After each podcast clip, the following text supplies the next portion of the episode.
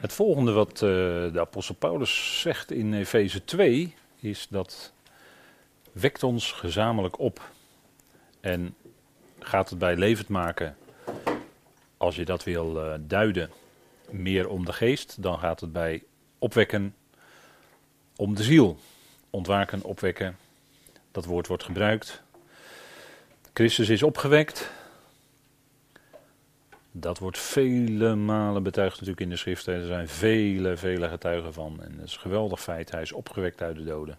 Om niet meer te sterven. Zegt Romeinen 6 ook. Hè. Hij is opgewekt. En ook wij zijn gewekt door hem. Om in nieuwheid van leven te wandelen. Dus dat levert een ander gedrag op. Hè. Eerst, uh, voor de pauze hadden we het even over verandering van denken. Dat, gaat dan natuurlijk, uh, dat heeft daar ook mee te maken. Maar dat uh, uitzicht dan ook in een verandering van gedrag natuurlijk. Uh, ik bedoel, het hart, het denken, gedrag, dat is allemaal uh, wat bij elkaar hoort. Hè? Opwekken, hij is opgewekt. En dat gezamenlijk opwekken, dat lees je dus ook in Colossense 2, vers 12. Daar zegt Paulus dat ook, gebruikt hetzelfde woord, hè? gezamenlijk opwekken. En ook hier hebben we die drie aspecten, verleden, heden, toekomst. En in het verleden zou je kunnen zeggen dat wij ooit met Christus, met elkaar opgewekt zouden worden. Dat had te maken met die verborgen raad van God. Voor de pauze hint, was een kleine hint uit 1 Korinthe 2. Dat het gaat om die wijsheid van God. Die al van voor de eonen beschikt was tot onze heerlijkheid. En het had ook te maken met het feit dat Christus gekruisigd zou worden. Want staat daar, als de machthebbers van deze wereld of van deze aion geweten hadden wat ze deden, dan zouden ze de Heer van de heerlijkheid niet gekruisigd hebben, weet u wel. Dat staat in 1 Corinthië 2, hè. En dat had natuurlijk alles te maken met die verborgen raadsbesluiten van God. Want was het de apostel Petrus niet, die zei op de Pinksterdag dat dat zijn kruisiging. Hij werd overgeleverd om gekruisigd te worden. Hij werd gekruisigd, hij is gestorven, begraven, opgewekt. Maar was dat niet, zegt Petrus, en dat was ook zo, naar de bepaalde raad en voorkennis van God?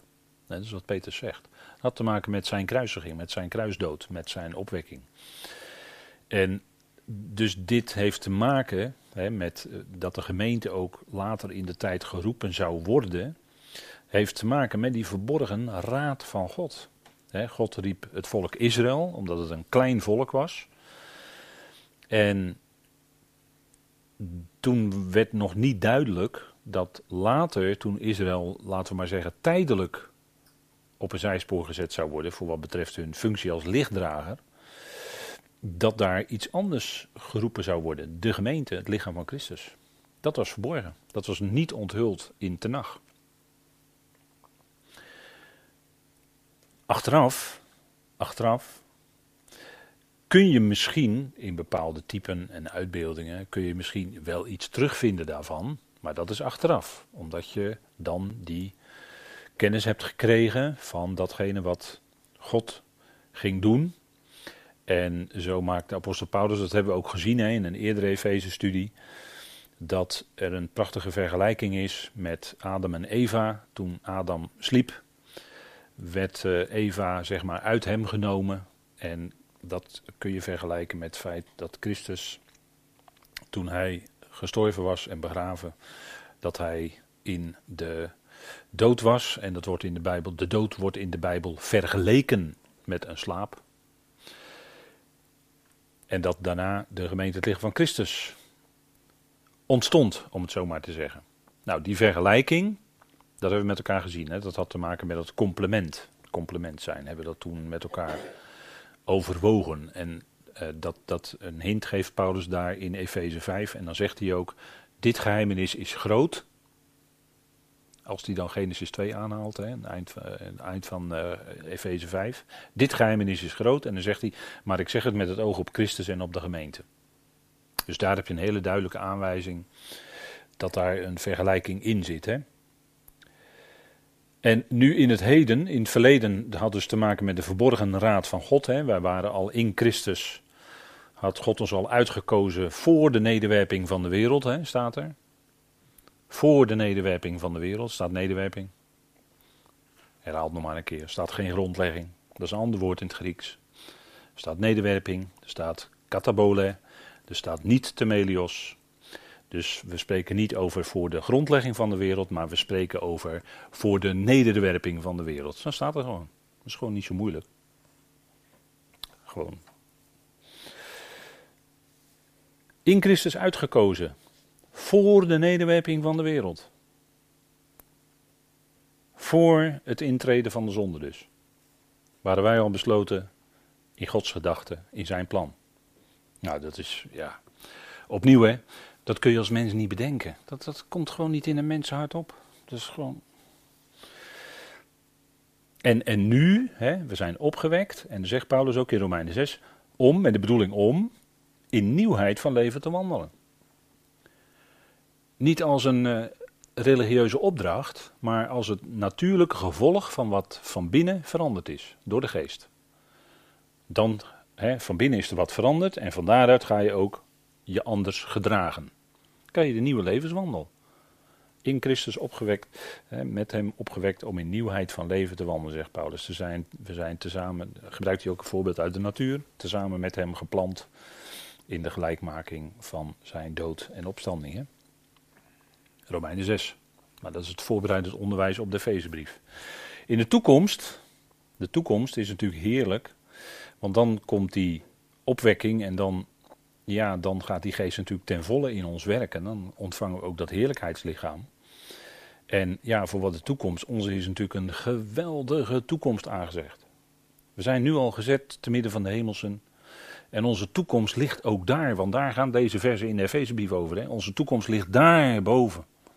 En dat zou onze houding ten opzichte van al dat aardse om ons heen, ja, dat kunnen we dan wel een beetje relativeren, denk ik, hè? zoals we dat dan zeggen. Bedacht zijn op wat boven is. bedenk de dingen die boven zijn, niet wat op de aarde is, zegt Paulus dan. Voegt hij nog even uitdrukkelijk aan toe. Niet op, wees bedacht op wat boven is, waar Christus is. Colossense 3. Gezit, gezeten aan de rechterhand van God. En in feite wij ook met hem. En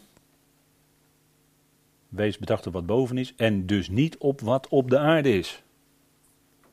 Dan zegt hij nog eens heel duidelijk erbij. Hè? Dus we zouden onze, ons denken, ons innerlijk zou gericht zijn, ons hart zou gericht zijn op dat wat boven is. Waar Hij is, waar Christus is. En daar gaat dan je belangstelling naar uit. En daar wil je dan ook als gelovige, wil je ook gevoed worden met de woorden van het geloven van het en met het uitstekende onderricht. Hè? Dat is echt de voeding voor je geest, dat is voeding voor je hart. Dat heb je nodig. En, en hoe de, wereld, hè. Nou, Paulus die, die maakt er af en toe een opmerking over. En die zegt, ja, de wereld die zouden we gebruiken voor zover nodig. Zegt hij in 1 Korinthe 7, hè. De wereld, ja, ach, de wereld gaat snel voorbij. En de gedaante van de wereld, hè, dat gaat, het is elke dag weer anders. Van wat vandaag uh, er nu is en wat uh, leuk lijkt, is morgen alweer uh, al lang voorbij en versleten, bij wijze van spreken. En ja, ja, bijvoorbeeld de mode of zo. De mode is altijd anders. Ja, die modewereld moet natuurlijk verkopen. Hè? Dat moet natuurlijk uh, geld, een verdienmodel. Dus uh, dan heb je altijd een nieuwe wintercollectie, een nieuwe zo enzovoort. Dat is allemaal verdienmodel. En dat is allemaal, moet elk jaar weer anders. En af en toe zie je weer. Uh, weet je wel, in de jaren zeventig had je van die lange broeken met wijde pijpen aan de onderkant, weet u wel. En die komen dan na, na zoveel jaar komen die weer terug. Dat is gewoon, dan denk ik gewoon van het herhaalt zich gewoon weer. Hè? Ja. Of uh, de kleuren oranje en bruin hè, had je ook veel in de jaren zeventig. Dat noemen we van die retro kleuren. En die komen dan na verloop van tijd toch gewoon weer terug. Want wordt dan door de mode wordt het weer modern gemaakt. Dus dan moet jij weer een nieuw kloffie kopen. Dus weer centjes verdienen hè, voor de modewereld. Zo gaat dat. Maar dat zouden we dus met het evangelie niet doen. Want als we even die volgende tekst, 1 Timotheus 6, dan heeft Paulus het ook over, over geld. En misschien even goed om met elkaar te lezen. 1 Timotheus 6. 1 Timotheus 6.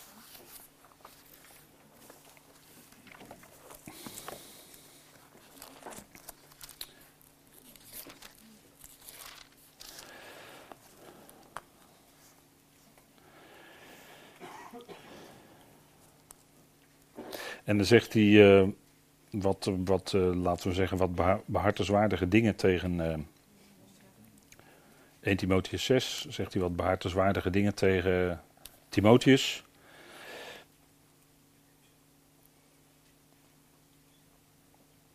En laten we even kijken vanaf vers 5. En dan lees ik uit de herziende statenvertaling. Voortdurend geruzie van mensen die een verdorven gezindheid hebben en beroofd zijn van de waarheid. Omdat zij denken dat de godsvrucht een bron van winst is. Godsvrucht, dat is uh, wel vereren, staat er dan in het Grieks. Wel vereren. Dat is eigenlijk het woord voor uh, godsvrucht. En als je God wel vereert, om het zo maar te zeggen, dan is dat inderdaad de vrucht van God, van Gods geest in jouw leven. als je Hem wel vereert, als je God wel vereert, is dat de vrucht van het werk van God, van de geest van God in je leven. Een bron van winst is dus, uh, men, men, uh, men ziet uh, dan de, het, het, het, evangelie of het wel vereren en alles wat ermee te maken heeft, ziet men als, als, als een bron van winst of als kapitaal.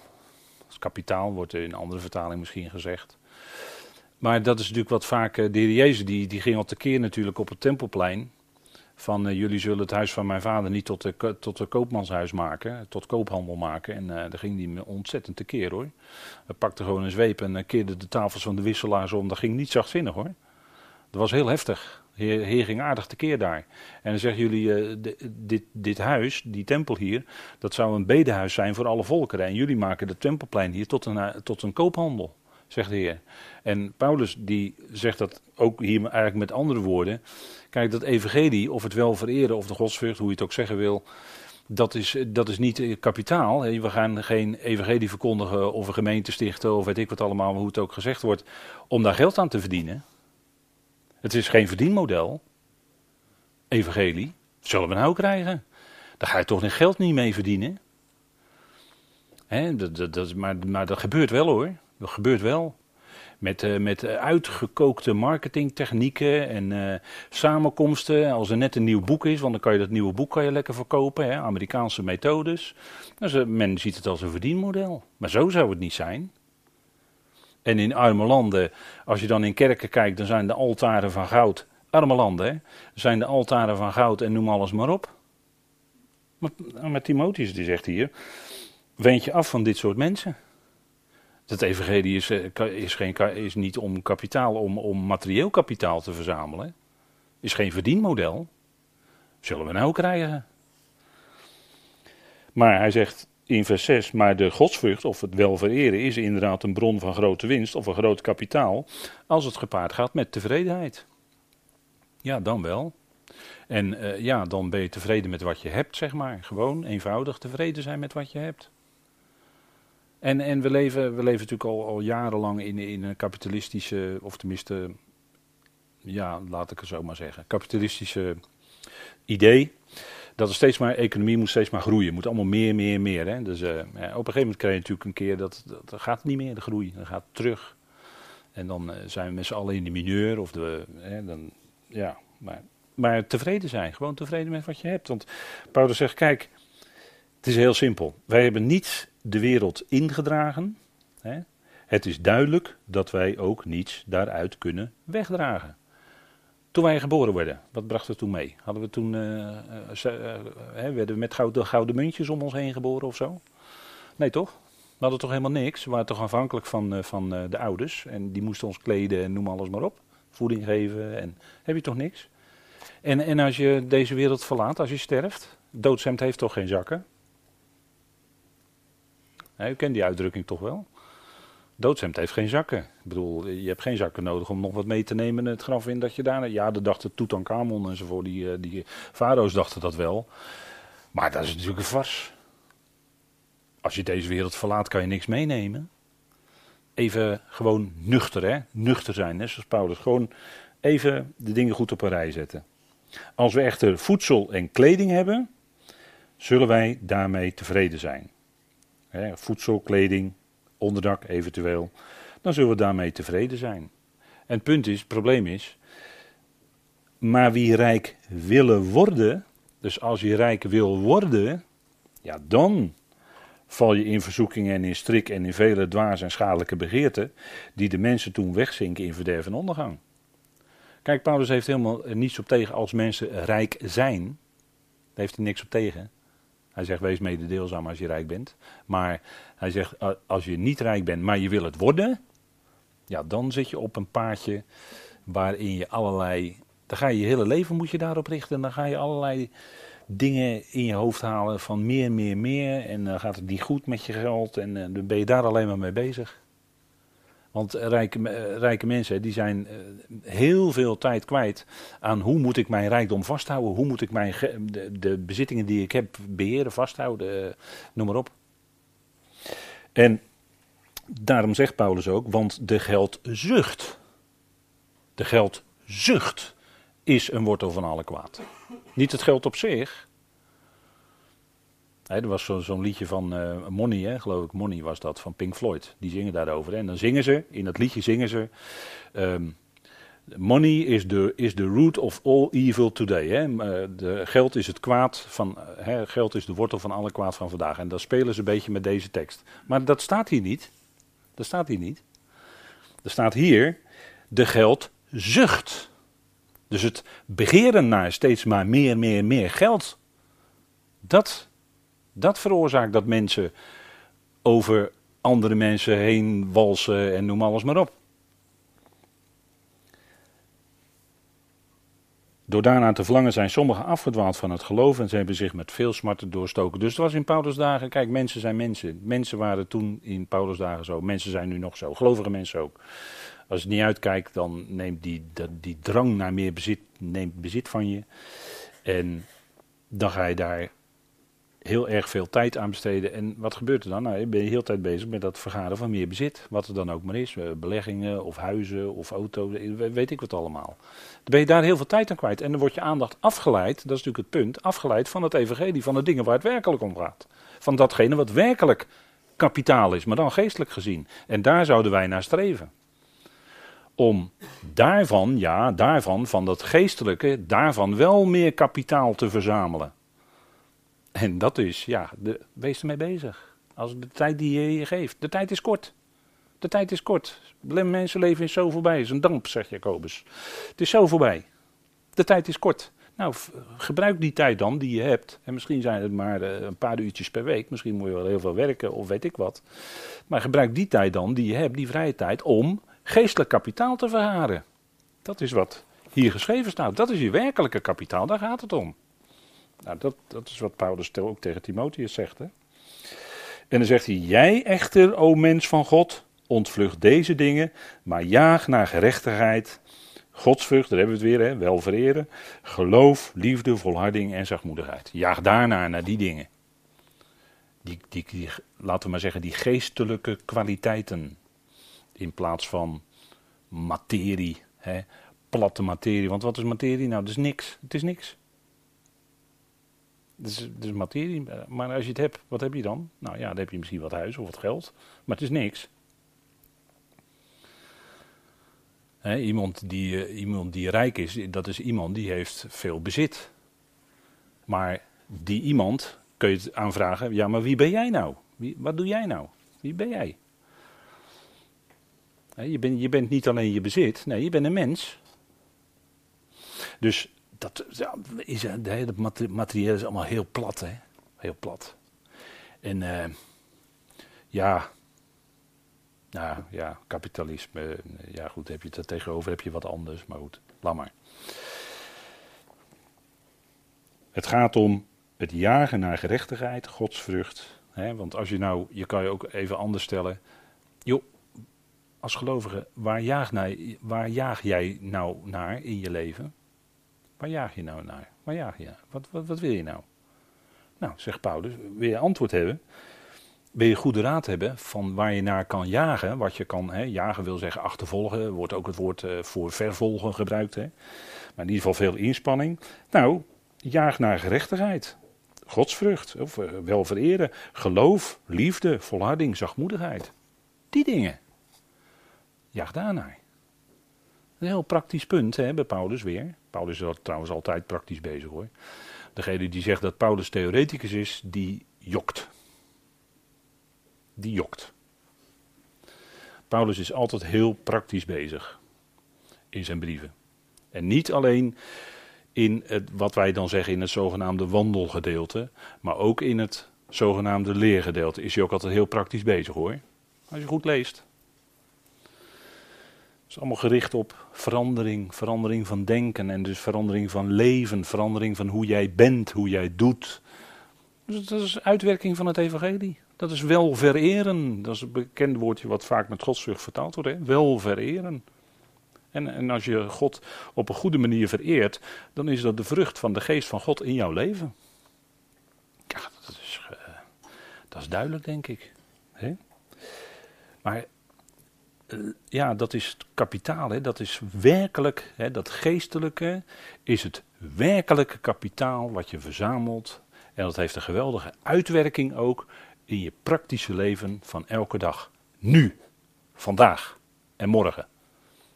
dus het is niet alleen een theoretisch verhaal voor de toekomst. dat maken sommigen ervan. Maar dat zijn jokkenbrokpraatjes. Dat is gewoon niet waar.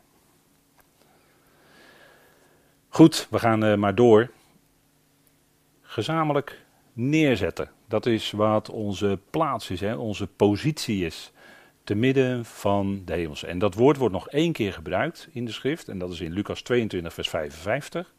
Dat was Petrus. Die notabene de leidende. Die had die, eh, op moment. Hij was al sleuteldrager hè, hier, Petrus. Hij was al sleuteldrager. Hij had die groep gevolgd die de Jezus gevangen had genomen hè, in, de, in de hof. En hij was om, om heel dicht, uh, om zo dicht mogelijk bij de Heer te kunnen blijven, zeg maar. Hè. Maar hij zat te midden van die groep die de Heer gevangen had genomen hij zat gezamenlijk te midden van die groep neer. Wordt hetzelfde woord gebruikt als hier in Efeze. En ja, toen ging er iemand op hem wijzen van, jij, jij bent volgens mij ook bij, uh, bij Jezus. Ja, jij bent ook bij die. En toen ontkende hij het drie keer. En, en toen bij de derde keer, of na de derde keer, toen kraaide de haan twee keer. En toen keek de Heer naar hem. En toen besefte Petrus wat hij gedaan had. En wat de Heer ook gezegd had. Hè. Voordat de haan tweemaal kraait, zul je met driemaal verlogenen, Petrus. Of logenen. En later staat er zelfs verlogenen. Iets sterker woord nog. En dat deed hij. Hij was notabene sleuteldrager van het evangelie van de besnijdenis. De Heer had hem de sleutels gegeven in Matthäus 16.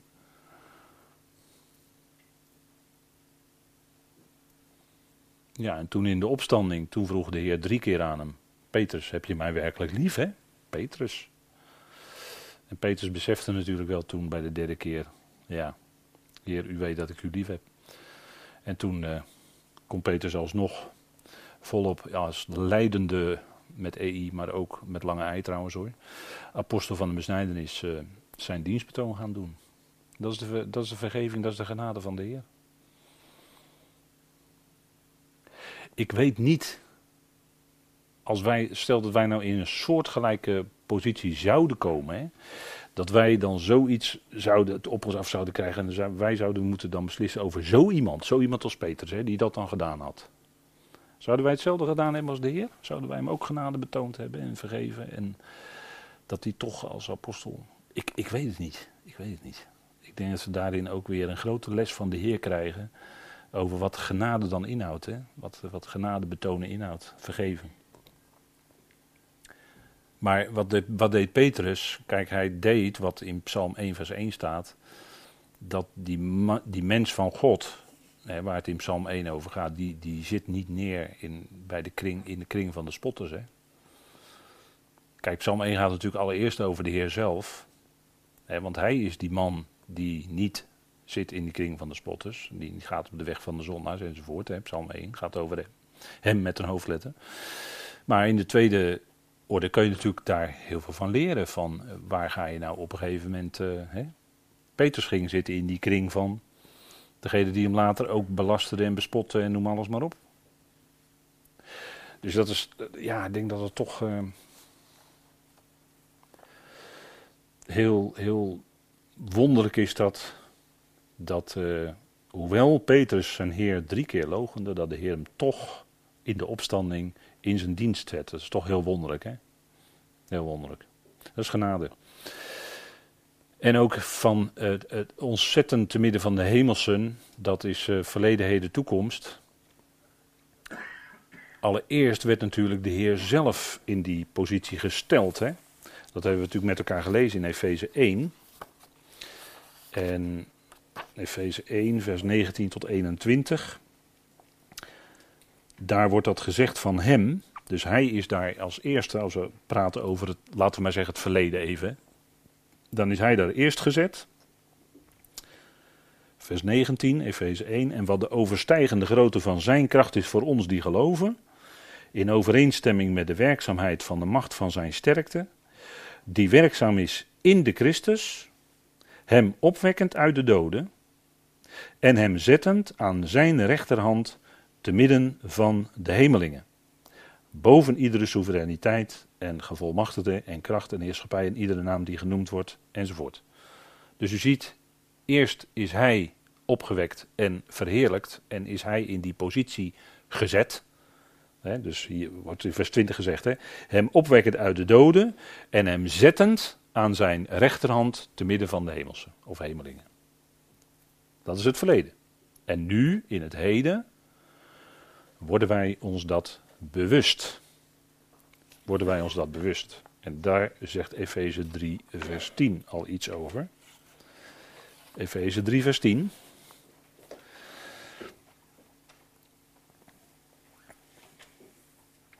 En dan, goed, het is één vers en natuurlijk dat staat in een verband, zeker, staat in tekstverband daar. Maar goed, voor nu even lezen we vers 10.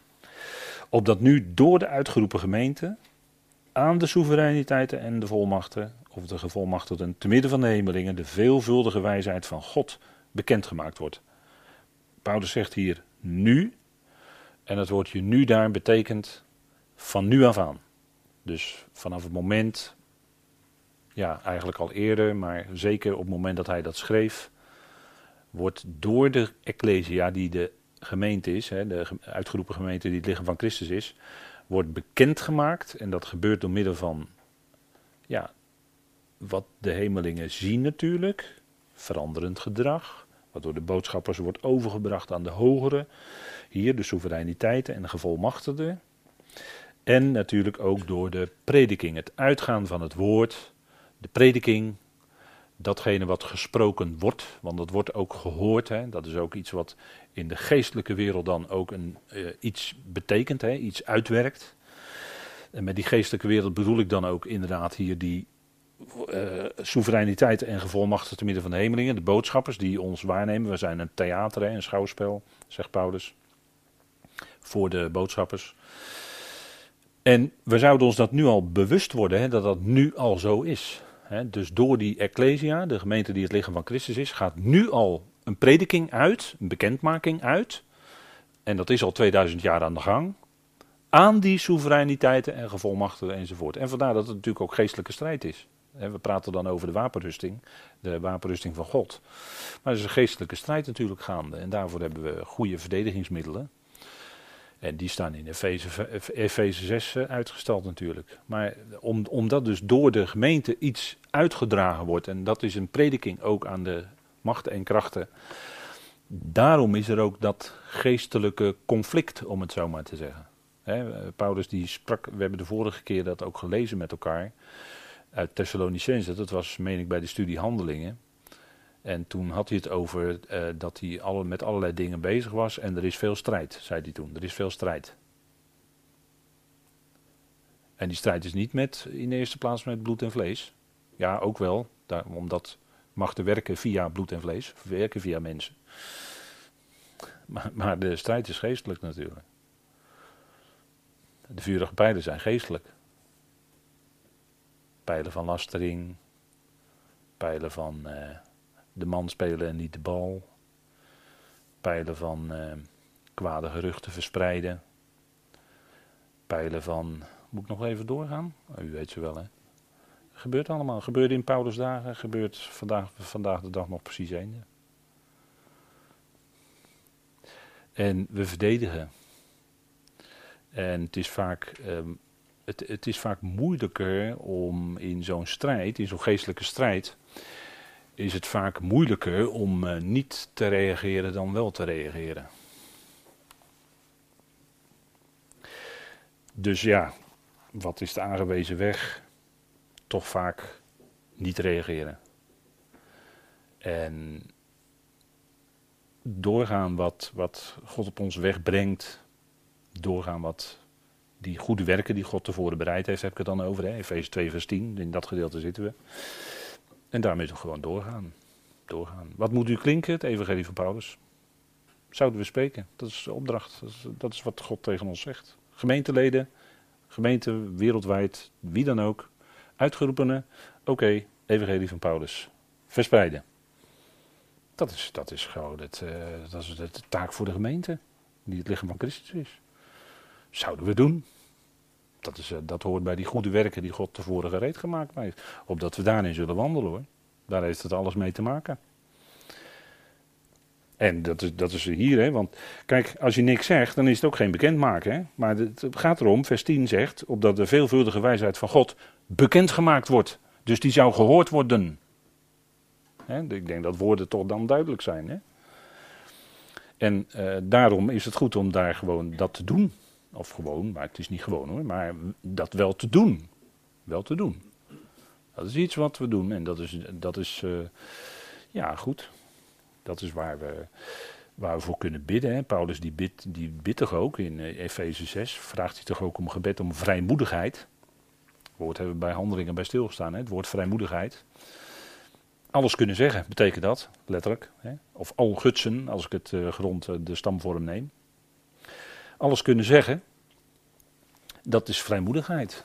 En dat heb je nodig. Dat hadden die apostelen ook in de handelingen. Die hadden steeds vrijmoedigheid om dat woord wat zij mochten brengen, het evangelie van het koninkrijk daar, om dat te brengen. Dat moesten zij brengen, dat was een opdracht, dat deden ze ook.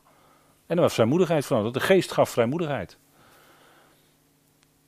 En er zijn natuurlijk allerlei, uh, de, de andere kant, hè, de geestelijke macht en kracht, de soevereiniteit enzovoort, waar hierover gesproken wordt, die zullen er alles aan doen om die vrijmoedigheid te belemmeren. Om dat te doorkruisen, dat het niet meer bekendgemaakt wordt. Natuurlijk, die willen tackelen. Hè? Ja, zo, zo gaat dat. En daar, daar ben je dan, eh, daar, daar worden we dan, dan zijn we alert op. Nou, dat is die bewustwording. Hè? Wees je bewust van waar we als Ecclesia, als uitgeroepen gemeente die het lichaam van Christus is, en waar, daar zijn wij enkele leden van, van het wereldwijde lichaam, waar dat lichaam van Christus voor geroepen is en wat we doen.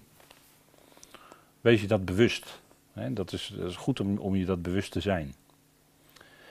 En in de toekomst, als het gaat om het toekomstige aspect, dat is dan wat in Efeze 2, vers 7 staat.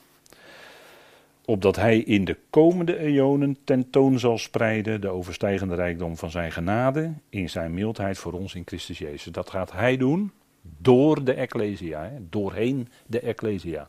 De hele gemeente, voltallige lichaam van Christus. Zijn al die overleden broeders en zusters, die zijn er weer gezellig bij.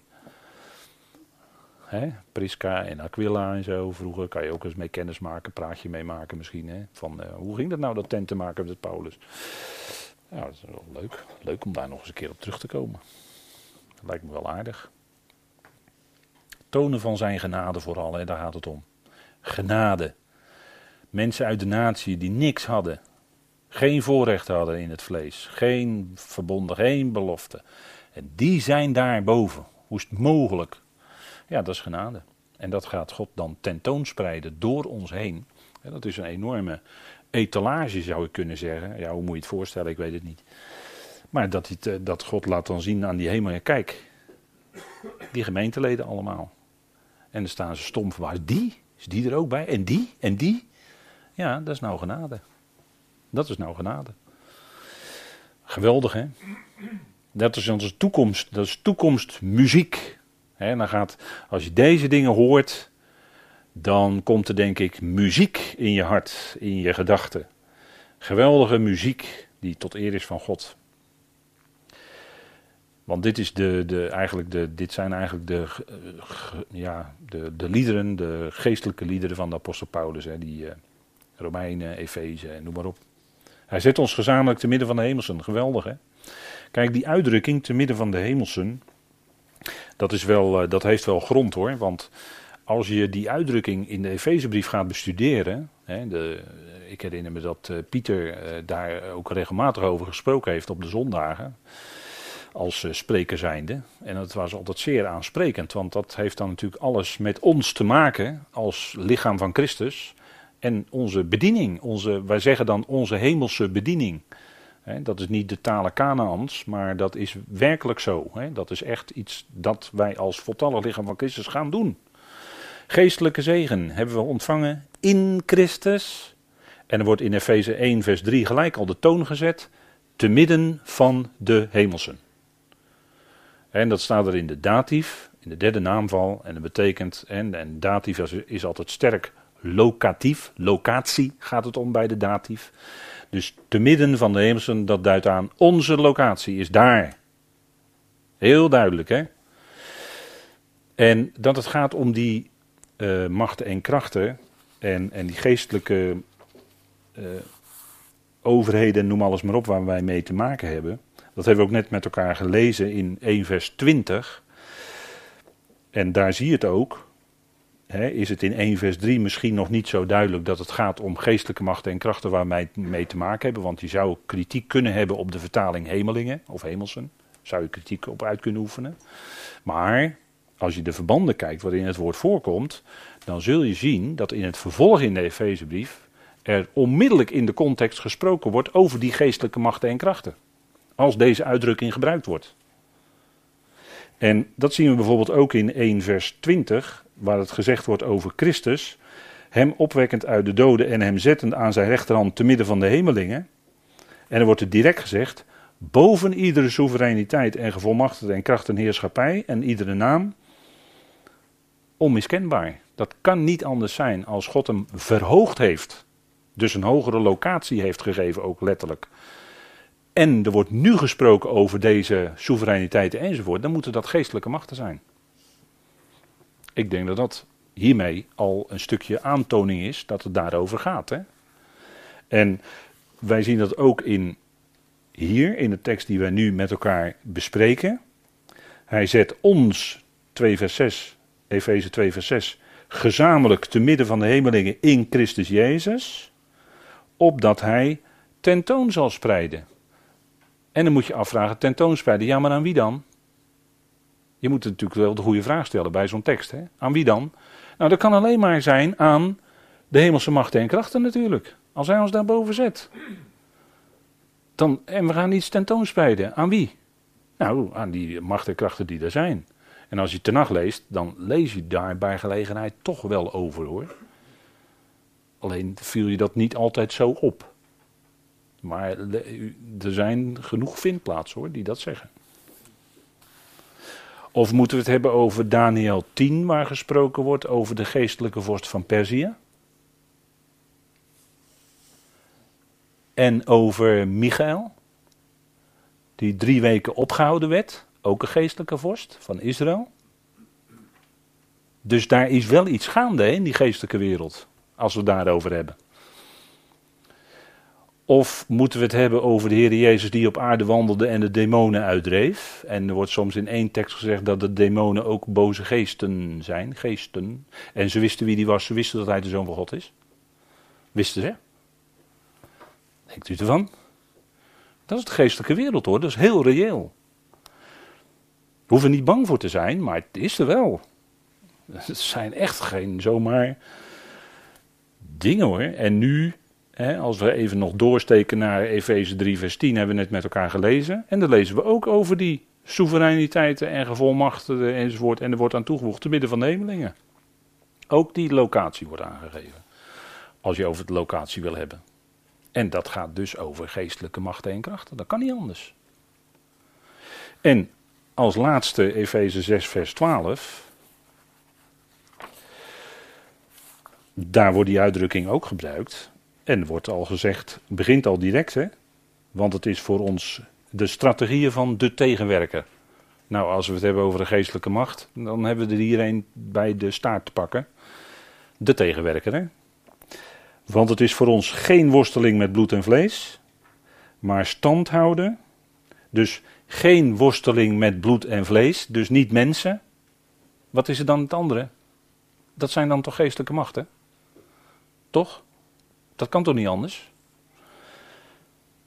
Maar stand houden tegen de soevereiniteiten, tegen de gevolmachtigden, tegen de wereldmachten van deze duisternis. Nou, als je het nog duidelijker wil hebben. Tegen de geestelijke machten van de boosheid, de geestelijke machten. Dat zijn geen mensen hoor. Geestelijke machten van de boosheid te midden van de hemelingen. Dus als je het bij elkaar optelt, die vijf vindplaatsen in de Efezebrief, dan zie je dat het onmiskenbaar is dat de, de hele correcte, hele verantwoorde vertaling is te midden van de hemelingen of te midden van de hemelsen.